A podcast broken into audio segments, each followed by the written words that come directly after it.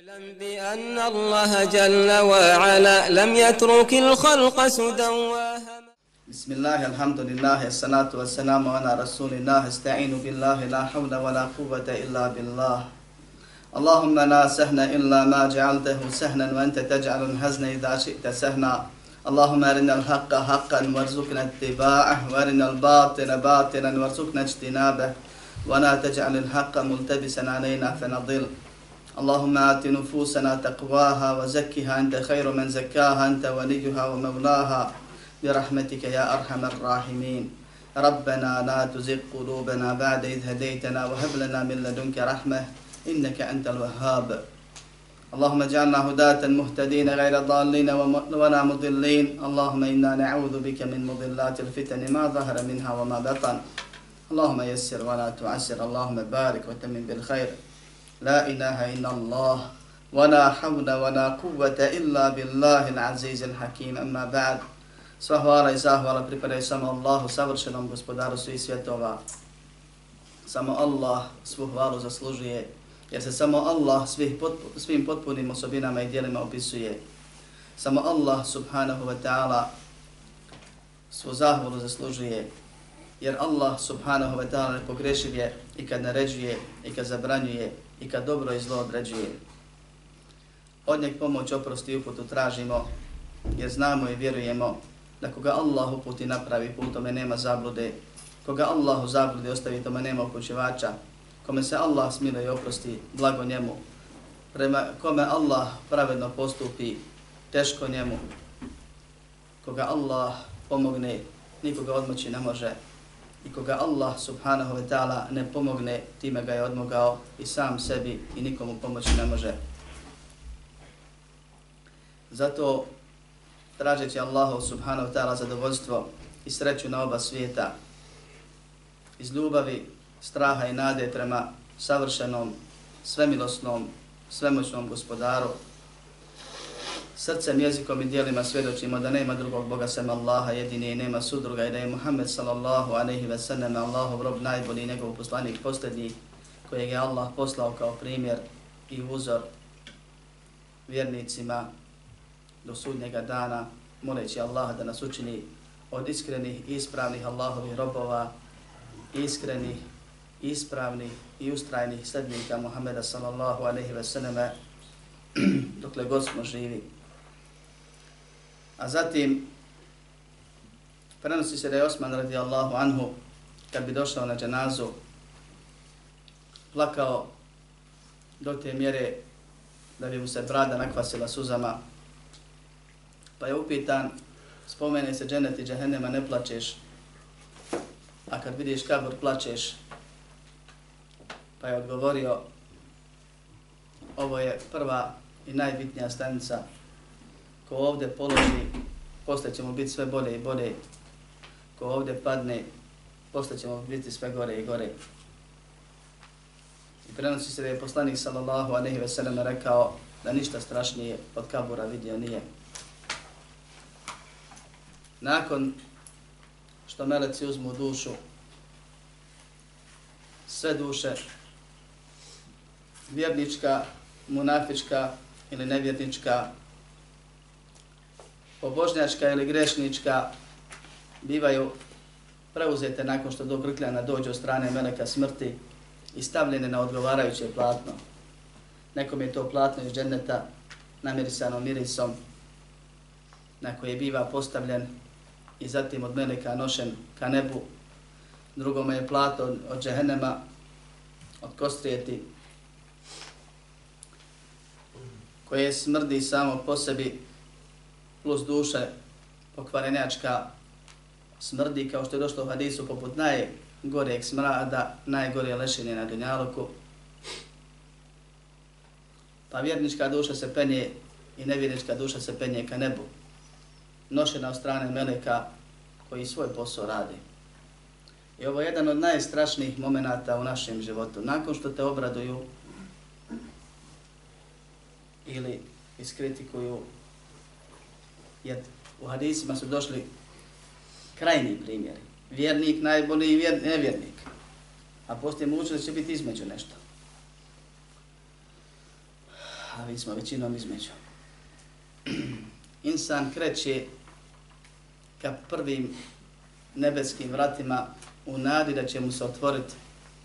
Jer Allah subhanahu wa ta'ala spominje da nevjernicima, poricateljima, oholnicima, inna ladina kadzabu bi ayatina wastakbaru anha la tufattahu lahum abwabu as-samaa oni koji budu poricali naše ajete i oholili se nad njima neće im se otvoriti nebeska vrata ولا يدخلون الجنة حتى يلج الجمل في سم الخياط i neće kaže ući u džennet no kamera ne prođe kroz iglene uši i dok veliko debelo uže ne prođe kroz iglene uše. dakle neće nikad nemogući ime ulazak u džennet pa čovjek se kreće, kreće, penje se, nošen biva i čeka da se pokuca i osluškuje šta se dešava ako je od onih koji su slušali i učili svoje se vjeri, brinuli, ako ih je Allah počastio kao nas sada slušamo ovom, ovoj našoj budućnosti. Zna da će meleci da komentarišu njega i da taj komentar ima uticaj na konačni ishod. pa vjerničku dušu komentarišu, jer ona miriše. Miriše bolje od onog mirisa iz dženeta na kojeg je stavljena. I govore čija je ovo dobra duša, kad god prođu pored meleka, nebo je puno meleka. I svi govore čija je ovo lijepa duša iz lijepog tijela, blago njemu. I salava donose, to je mole Allaha za milost i lijep spomen kod njega. I kad dođu do prvog neba i pokucaju, meleki će otvoriti i posebno pohvaliti. I tako vjernička duša prolazi prvo, drugo, treće, četvrto, peto, šesto i sedmo nebo. Otvaraju se vrata jedne za drugim. I onda dolazi do Illijuna, knjige čestitih. Na nebesima sreće određene duše vjerničke ili gore na Illijunu jer se ulema razilazi da li je Elijun samo registar dženetlija, knjiga u kojoj se upiše, ili je to ujedno i mjesto boravka vjerničkih dobrih duša koje su oslobođene kazne ili završile kaznu u kaboru. Pa, spomenuo sam prošli put da pitaju za neke ljude, pa ako im kaže zar vam već nije došao, znači nije gore, nego je dole. Nije od dženetlija ili ih obavijesti onome što kako, kako im ga je ostavio. Stalno sluša pohvale na kraju bideva upisanu u Ilni Jun knjigu čestitih koju Allah subhanahu wa ta'ala spomenu u suri Al-Mutafifin. Nakon toga biva vraćeno svoje tijelo to je prijeđa naziv. I to se dešava relativno brzo. Ovo su stvari gajba. I mejit koji leži pored je živ kaburskim, berzahskim životom. I ima, s obzirom da se nalazi na dunjaluku, ima kontakte, ali jednostrane. Čuje, čak i komentariše nekad nešto što mu se dozvodi i priča, ali ga ne čuje. I nikog ne dozvodi. Nevjernička duša, duša munafika, duša džahennemlija, biva nošena i kuđena i kritikovana jer smrdi svima koji ih prolazi. Pa i nazivaju najgorim imenom. I dolazi do prvog neba i kuca, pa se dešava ono što sam malo prije spomenuo kad sam ajet citirao što Allah kaže neće im se otvoriti nebeska vrata. I neće biti zapisan u registar dženetlija koji se nalazi na vrhu gore i samim tim nikad u dženet neće ući. Onda biva bačena s visine. Pravo u svoje tijelo. I to je jedan od vidova kazne nakon što je udarana prilikom smrti, pa nasilno čupana, pa smradom iskušana, pa svo vrijeme kritikovana. Jedna od stvari koja se spomine je to da će biti bačena strmoglavo sa prvog neba koje nije blizu, 500 godina je razlika, Allah zna čega i koliko, kako između zemlje i prvog neba u svoje tijelo. I onda biva nošena, umeđu vremenu se završi priprema, i biva nošena jedna i druga dženazom, sahranom i tako dalje. Pa jedan govori, nakon što je čuo radosne vijesti, obradovan, požurite sa mnom, požurite sa mnom. A drugi govori, teško meni kuda me nosite. Govori, ali ih ne čujemo. A čuje ih ko treba. Vide, svjesni su da oduše. I znaju gdje odu, idu. Jer su već dobili haber od meleka. Pa jedan požuruje, a drugi bi volio da odgodi. Jer zna da ono što slijedi gore je opasnije od onoga što ga je snašlo već od muke i belaje. Da nas Allah sačuva i počasti.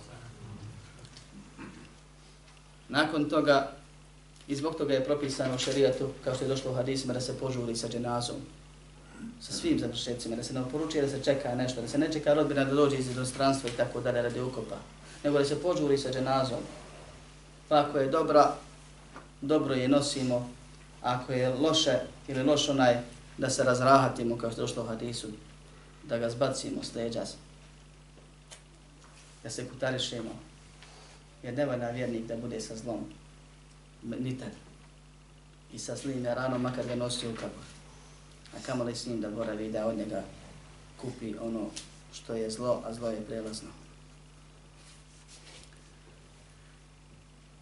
Onda slijedi život u kaburu.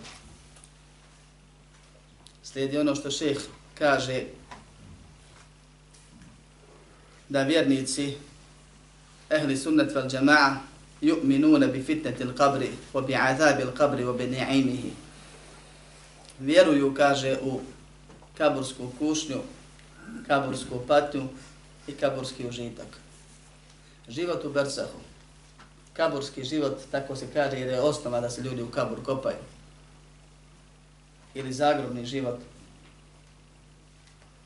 Ili se još zove Berzah, a to je vrijeme, prostor između ovog sadašnjeg dunjaluka i onog ahireta kad nastupi sudnji dan, a već je ahiret. Rekli smo da je ovo već vjerovanje u sudnji dan. I ovo je gajb. Život se naziva takvim zagrobnim ili kaburskim i jednak je za sve one koji ispuste dušu, bez obzira na način kako ispustili. Da li on izgorio, da li ga kremirali pa rasuli nego pepeo, da li ga pojele životinje, nešto drugo uništilo ili ga ukopali u zemlju. Onog momenta kad Allah tjedne počinje zagrobni život i neko će sačekat neko, nešto manje ili više, zavisno od toga šta će s njim biti, Allah zna ona prije što će s njim biti, hoće li ga ukopati ili neće, na primjer. Pa nekome ubrzo nakon što meleci izvade dušu ode gore pa bude upisan ili bude bačen u tijelo, a prije toga bude zabilježen u siđin, u registar grešnika, džahnemlija, koji se po mnogim islamskim učenjacima nalazi tamo gdje je džahnem ispod sedam zemalja. I neki kažu da je to ujedno i zatvor za duše džahnemske između Dunjaluka i sudnjeg dana, a neki kažu da je samo to registar, ono što imamo dokazi da je to knjiga registara, da li još, jer sama riječ se džin je po nekima od što znači zatvor. I to zatvorčina, ona najveća. Pa, pojenta je da se tuša vrati u tijelo. Koje je tijelo? Raskomadano, istruhlo, is, izgorjelo, nije bitno. Stanje tijela nakon smrti je po svim, pa i po ateistima, naučnicima, prelazak iz materije u materiju. Nije nestanak. U što god se pretvori, ipak ima to. Samo promijenilo oblik. Kao što je iz, iz kapi sjemena nastao insan kroz sve one faze, pa od bebe nastao starac kroz sve one faze, tako se samo faze mijenjaju istruhneš, postaneš zemlja, postaneš pepeo, postaneš nešto drugo, ali ti si. Onaj ko te stvorio, će te ponovno sakupiti i vratiti. A dotad ti postojiš u nekom obliku. To je tvoje tijelo. I duša zadržava vezu s tijelom. S tim da je veći teret u zagradnom životu na duši, i veći osjećaj na duši nego na tijelu, jer za razliku od dunjaluka gdje je veći teret i osjećaj na tijelu nego na duši. I ovdje se uglavnom znači trpi tijelo i uživa tijelo, a duša ga prati. U kaburu je obratno, a na sudnjem danu 50-50 i zato je ahiretski život stvarni život, kao što kaže Allah u Kur'anu. Pravi, potpuni život. Kazna potpuna, osjećaj potpun, užitak potpun i tako da. 50-50. A dotad se mijenja stanje. Pa se duša vraća u tijelo i jedna i druga. I onog momenta kad se smiri na mjestu gdje je određeno da se smira, osnova da je to kabur, nakon što ga zagrnu i odrade svoje bez obzira koliko to trajalo, da li to bilo ispravno, izmišljotina novotarija ili neki nevjernički ritual. I kad napuste oni koji su došli da ga isprate groblje, mezarje, onog momenta počinje sljedeća faza koju čovjek spomine, a to je kaburska kušnja, zatim patnja ili uživanje. U suštini, u životu u kaburu imaju četiri stvari koje ga čini. To su kaburski stisak, šeha ovdje nije spomenuo, jer je on vid kušnja, Allah najbolje zna. Zatim kabursko iskušenje. Zatim, i to je osnova, jer većina ljudi ne vjeruje i mnogi vjernici su veliki griješnici, kaburska patnja, i zato se prva spominje. Zatim, kod nekih odmah počinje, a kod nekih kasnije nastaje kabursko uživanje od vjernika. Insan kad se zagrne u kabur, insan, musliman, nemusliman, odrastao ili dijete, muško ili žensko, bilo kakav stepen uvjeri da ima, svi će proći kroz jedno a to je kaburski stisak. Zemlja iz koje si nastao Allahovom odredbom, po kojoj si hodio i radio što si radio, i u kojoj si vraćen, će da te dočeka. Onako kako si zaslužio. Pa će svi da budu stisnuti. I zato poslanik sallallahu alaihi ve sallame da Sa'd ibn Mu'aza, Mu'ada,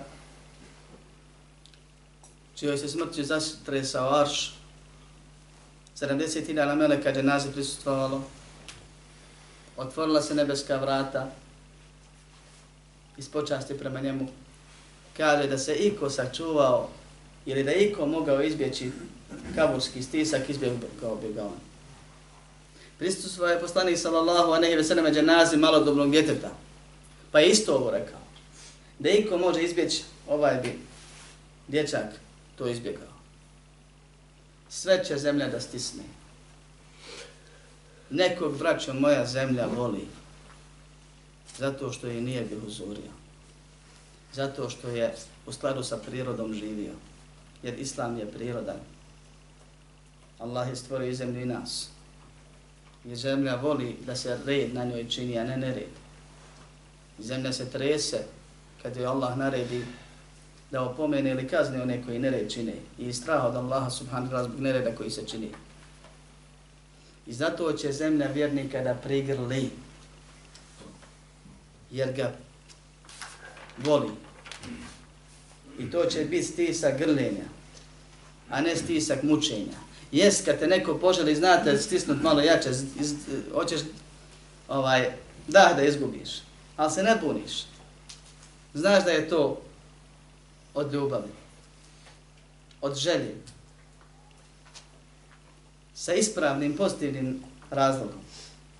I takav će stisak doživljavati vjernici. Što bolji vjernici, lakši, blaži, ljepši, ugodniji stisak od strane kabela.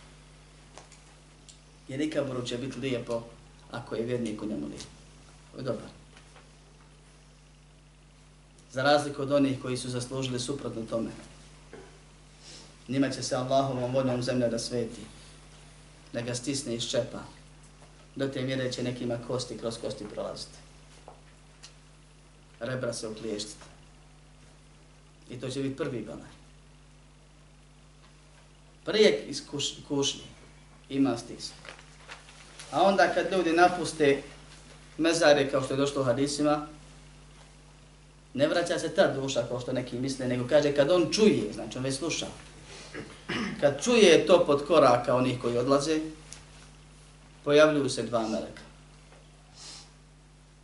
Munkir i nekir kao što je došlo u hadisima. Nepoznati, nejasni. Ne možeš pročitati na njima ništa. Tam, tamno plava, stroga. Dva meleka. U nekim hadisima, čije se vjerodostojnosti razilaze lema, su došli još strašniji opisi da im iz očiju munje sijaju, da su raščupani, da su im nokti noktima grebu u zemlju, da jedu kad, kad ulaze i nastupaju tako dramatično, u najmanju ruku, najblaže rečeno, da onaj koji je nešto znao, zaboravi, ostraha se izgubi posjed, posjednu ga. I mi vjerujemo da u zagrobnom životu onaj koga smo položili ležeći u tabutu, da sjedne. I to nije čudo. Kao što ni ostale stvari nisu čudo. I onda mu postave koliko pitanja. Čujem. Ko daje više? Tri standardna, jedno dopunsko. Jel nije tako? Kod Buharije u hadisu kaže se da jeste. Četiri pitanja. Onome ko odgovori treći, treće dobit će četvrto. Onome ko ne odgovori treće dobit će odgovor. Gdje će mu spomenuta biti četvrta stvar. Upitaju ga kratko jasno, ko ti je gospodar? Ko ti je poslanik? Koje se vjeri? Pa će vjernik koga Allah učvrsti. I prvi od dokaza iz Kur'ana koji govore o kabrskom iskušenju je kur'anski ajd gdje Allah kaže يثبت يثبت الله الذين آمنوا بالقول الثابت في الحياة الدنيا وفي الآخرة ويضل الله الظالمين ويفعل الله ما يشاء سورة إبراهيم Allah će postajanom riječu učvrstiti one koji vjeruju na dunjaluku i na ahiretu. Na dunjaluku belajima i prilikom smrtnih muka, jer sad su švih na dunjaluku, ono kad dolaze tek mrci i na ahiretu prilikom iskušenja u kaburu. Pa će onaj ko se pogubi od straha sjetiti se ono što treba da se sjeti. I reći će, moj gospodar je Allah, moj poslanik Muhammed sallallahu alejhi ve selleme, moja vjera je Islam. Jedina tri ispravna odgovora. Tako lahka, a tako nemoguća za odgovoriti osim onome koga Allah učvrsti. Zato Allah spominje svih učvrsti. Pa molimo Allah da nas učvrsti na ovom na svijetu. Jer havlu thabit, čvrsta ili postojana riječ, je tevhid. La ilaha ida Allah, za onome ko nauči šta znači i po njemu cijeli život živi i radi. Kao što kažu komentatori. Neko nauči i govori, izgovara, ne zna šta znači. Nego onako zna, nema Boga sem Allaha i napravi sebi sto jednog Boga tokom života Pokovoravajući se, strahujući, nadajući se, oslanjajući se i tako dalje na sve i svašto, a zaboravljajući onoga koji mu jedino pripada svi, sva, svaki vidi bareta. Pa onaj koga je Allah učvrstio i uputio na tevhi tokom života, učvrstit će ga i uputit će ga da to izgovori i potvrdi na samrti. Da kaže moj gospodar je Allah, jer nije obožavao nikog sem njega. Moj poslanik je Muhammed sallallahu aleyhi ve sallame, i svaki od prethodnih umeta će spomenuti svog poslanika i ispravno da će svi biti iskušavani, jer ima razilaženje neko ne po ovom pitanju, ali ispravno će svi biti iskušavani, jer je kušnja belaj, a naš umet je najčastniji umet, kao što kaže dio učenjaka, pa je preči da mu se odvadi, a ne da mu se da više, pa ako će naš umet biti iskušavan, preči da se ostali iskušavaju, a ima i drugi argument. Pa će svako spomenuti svog poslanika, kojeg je zatekao i kojeg je bio obavezan da slijedi i slijedio ga je. I svi će reći moja vjera je islam. Jer su svi poslanici u islam pozivali i muslimani bili. Samo se šarijete razlikovali. Pa će biti upitan O maju drik. A kako znaš? To je ono četvrto pitanje, dodatno. Pa će reći, čitao sam Allahovu knjigu i vjerovao ono što u njoj piše. Pa će biti uročeno, znali smo da ćeš tako reći. Onaj koji je učio, koji je čitao, ko se uvjerio, koji je slušao, ko se brinuo, taj će znat odgovoriti. Onaj koji je slijed poslijedio, rodio se među muslimanima, pa eto, na njegovu štetu musliman bio, a možda bi volio da je negdje na zapadu rođen pa da uživa u blagodatima dunjalka na njihov način. I svaki drugi munafik koji je lažno predstavljao se kao musliman ili nevjernik, reći će jedno od dvoje. Jedan će reći, moj Bog je taj i taj, spomenut će onoga kome je rohom. Ako je vjerovao poslanika, reći će kome je poslanik. I reći će svoju religiju. Jer nema tu vrdanja. To je ispit. I to je stanje svih nevjernika. A dvije vrste ljudi. Oni koji su nemarni prema vjeri. Pa nisu ubijeđeni bili ono što govori, nego su sumnjali. Zato se spominjao Rizom el Murtab, onaj koji sumnja. To je munafik. Jer munafik maksimalno, onaj koji krije islam, krije kufra, ispoljava islam, on maksimalno, on je veliki nifak, maksimalno kažu, može doći do stepena sunja, neka se sebi zapita, pa možda su ljudi u pravu. Ali ne povjeruje. I onaj koji onako vjeru prihvatio, suštini nevjernik je, zato što nije ubijeđen, nego s muslimanima ponikao i s njima umro i tu ga je zakopali, išao na namaz zato što ljudi idu i što je sramota ne ići. A ovako se ponekad kod kuće pitao, jel se iko tamo vratio, nije, ko se mnogi bošno pita. Taj će reći, a, a, ne znam, ovo a, a, je kod njih, kod Araba tako, kod nas to ide, a, a, ono kad se hoće da sjetiš navrti jezika. Jer znaš ti šta trebaš reći, čuli su oni svi ovu priču tokom života. Ali ne ide. Može reći samo onaj kome Allah da, kome iz srca izađe, koji je dijelima to dokazao i potvrdio. Zato živio i na tome preselio. Taj će reći, a ostali će govoriti, a, a, da mu da se sjeti. Na kraju će reći, ne znam. Čuo sam da ljudi govore, pa sam ja govorio. Ovo može biti da ne zna stvarno, ili da više se pogubio, ne zna je li to, to, to dobar odgovor ili nije.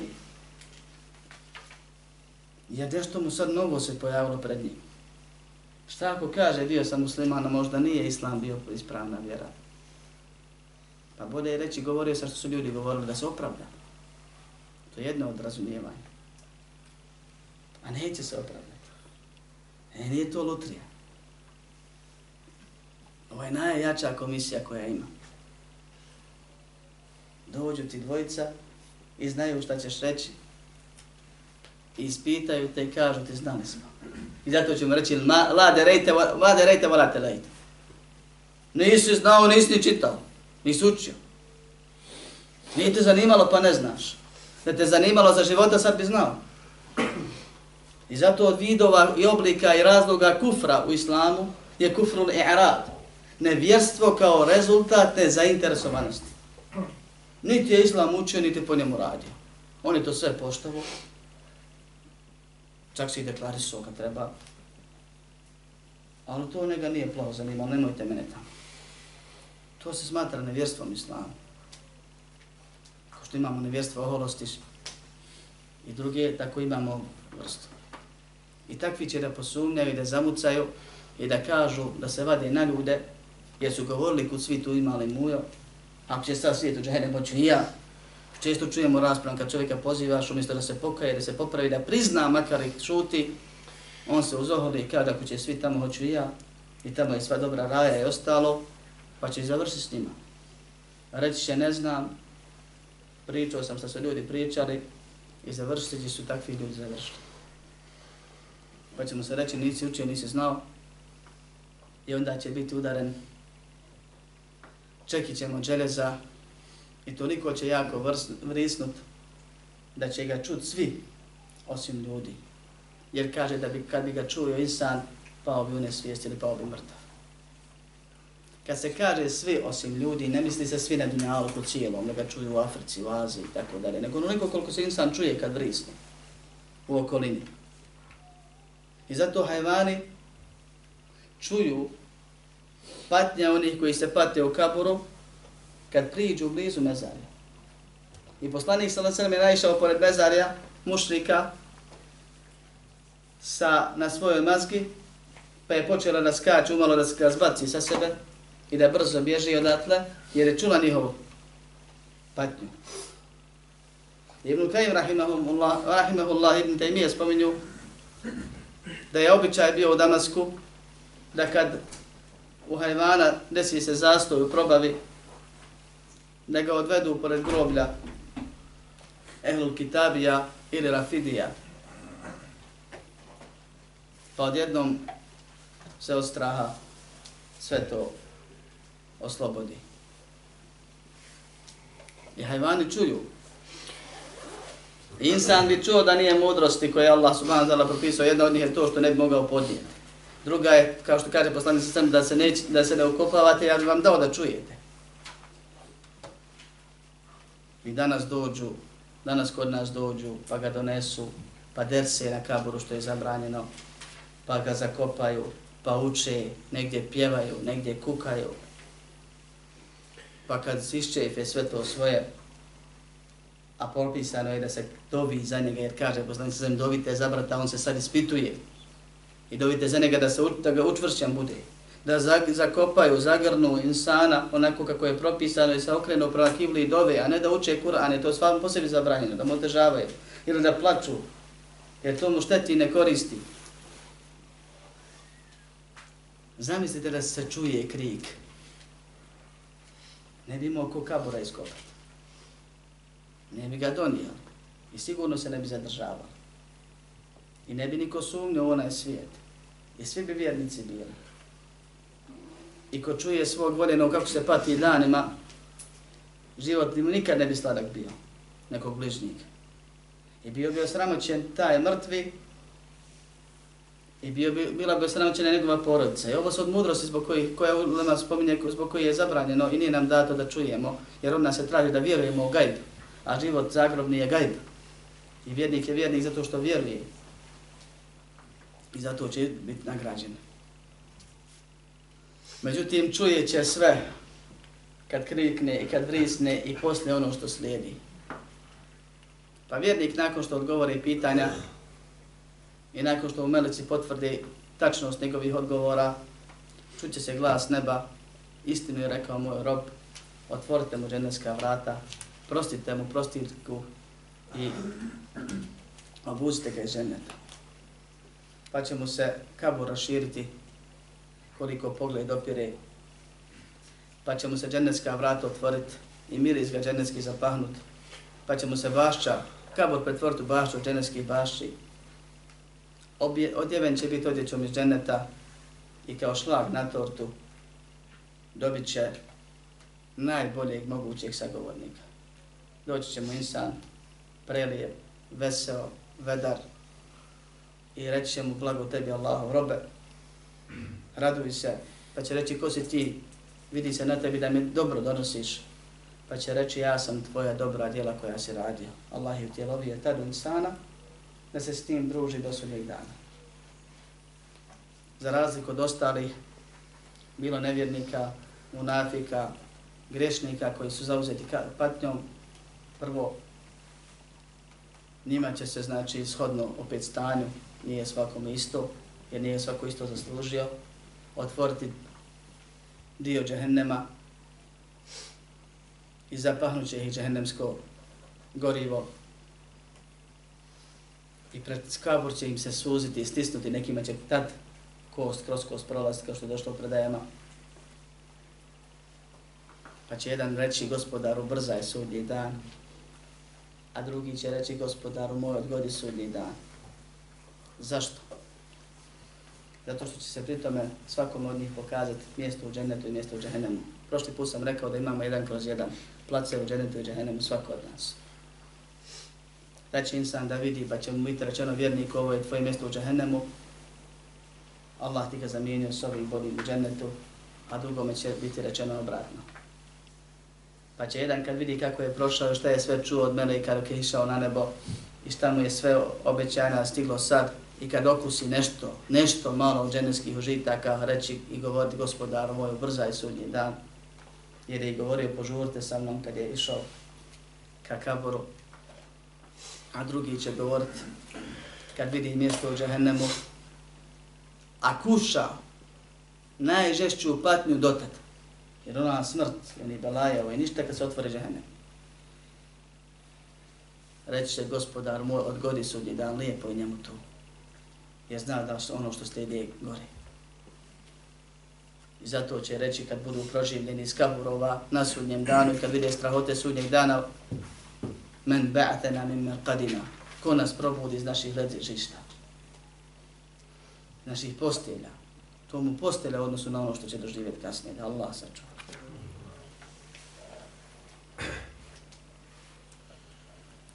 Pitaju se ljudi kako je ovo moguće. Odgovor je moguće zato što se kad sve moguće odredi i sve moćni odredi, ništa nije nemoguće. I moguće zato što je to drugi svijet, druga pravila i moguće zato što nam je Allah dao primjer pred nama, u nama, sa nama. Zar ne spavamo? Zar ne sanjamo? Zar ne vjerujemo već sada imamo dušu u sebi koju ne vidimo i ničim ne možemo da dokažemo? Zar nismo obavješni da ta duša putuje? odlazi, izlazi, ulazi, ne znamo ni kuda, ni kad. Zar ne vidimo stvari?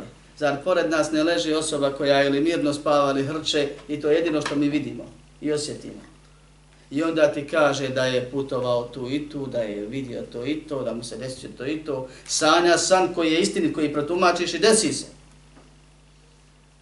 I su sve to vjerujemo. A mako se nije. Zato što je to život duši potpuno drugačiji.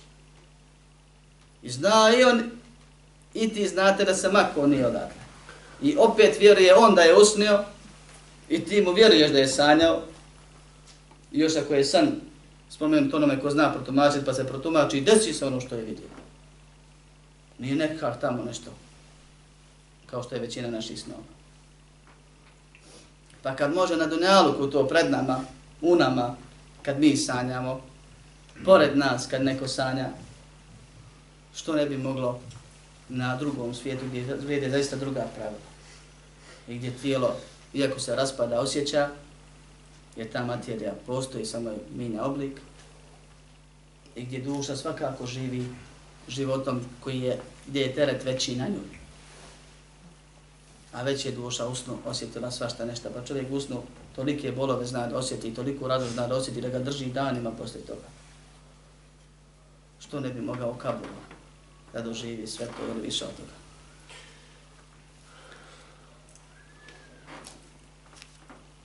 To je odgovor svima onima koji su od filozofa, preko munafika, do sektaša, raznoraznih i ostalih. Onaj ko vjeruje, vjeruje. U Koranu je došlo na više mjesta govor direktno ili indirektno o kaburskom životu. Pa kaže Allah će učvrstiti na ovom, na ovom svijetu. Pa kaže za Firauna,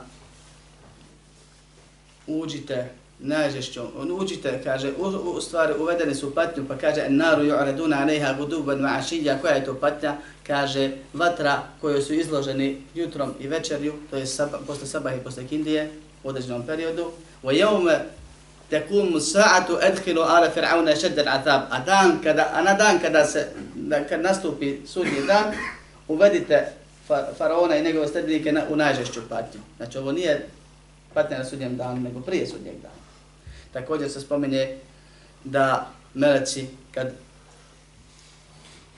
muče, kad usmrćuju, usmrćuju one koji su bili zulumčari, nepravedni, nevjernici, grešnici i tako dalje, kažu ahriđu anfusekum, vadite duše, izlazite. El jeume tuđzauna azab el huni, danas ćete biti nagrađeni ponižavajućom patnjom. Danas. Onog momenta kad, kad im uzme duša, odmah počinje. Ima mnogo dokaza u Koranu, također u vjerodostojima hadisma je došlo puno. Dovoljno nam je to, i neki to navode kao iđma u momenta, što svi muslimani nakon tešahuda i u svim mezebima je spomenuto da je propisano da se uči dova koju je poslanik sallallahu alejhi ve sellem preporučio, a to je da se insan da insan traži utočište kod Allaha subhanahu wa ta'ala četiri stvari. Među njima je kaburski azab. Poznata dobro. I muslimani to uče. Da ne postoji ne bi učili. I dokaza je mnogo, jer dostojim hadisima mnogo ima. Poslanik sallallahu alejhi ve sellem početku nije znao i nije vjerovao u to, jer on vjeri ono što je obaviješten. Pa nakon se desio slučaj da su određene židovke došle kod Aisha radi Allah, ona je spomenula i to, Allah mu je objavio, pa je on tražio i savjeta umet da traže utočište od kaburskog azaba, zatim je nešto od toga vidio i čuo, zatim je u onom snu, ako je san u pitanju, u onom poznatom hadisu u Buhari, kada je vidio kaburske azabe i neke blagodati, spomenuo i detaljno opisao uzroke patnje, pa kod Buhari i muslima od Ibn Abbas se spominje da je prošao pored dva kabura i rekao innahuma la yu'adhibane, wa ma yu'adhibani fi kebir, emma ahaduhuma fa kana la jestetiru min al-bawl wa amma al-akharu fa kana yamshi bin namima kaže oni se muče, ne muče se zbog velike stvari u rivajetu, a to je velika stvar, to je nisu misli da je velika, a jest velika. Jedan od njih se nije čuvao mokraće, a drugi je prenosio tuđe riječi u čiru zavađavanja, zavađanja, pa je to jedan ili dva razloga zbog čega ljudi bivaju učeni u kaburu. Također je ashab jedan sakrio nešto malo od ratnog plijena, da ga je pogodila strijela i ashabi su rekli blago njemu džennet. A kaže, postani se on se sad pati i muči onim što je sakrio. Pa je ta krađa i uzima od ratnog plijena uzrok patnje u kaboru. Također je došlo u poznatom hadisku Buharije spominjanje nerada po Kur'anu ili okretanja glavi od Kur'ana kao sebeb za kabursku patnju, blud, jedene kamate, laž i još mnogi drugi grijesi. Ali općenito, kaže islamski učenjaci, uzorci patnje u kaburu su neznanje o Allahu subhanahu wa ta'ala, nemar prema njegovim naredbama i krši njegovih zabrana, a posebno ono što je spomenuto kao povod u hadisima, toga se treba posebno čuvati. S druge strane, izbjeći ćemo patnju kabursku tako što ćemo povećati činjenje dobra, smanj činjenje zla općenito, izbjegavati uzroke na koje smo pojedinačno napomenuti i moliti Allaha subhanahu wa ta'ala propisanim dovama i onim od sebe da nas sačuva od patnje u kaboru.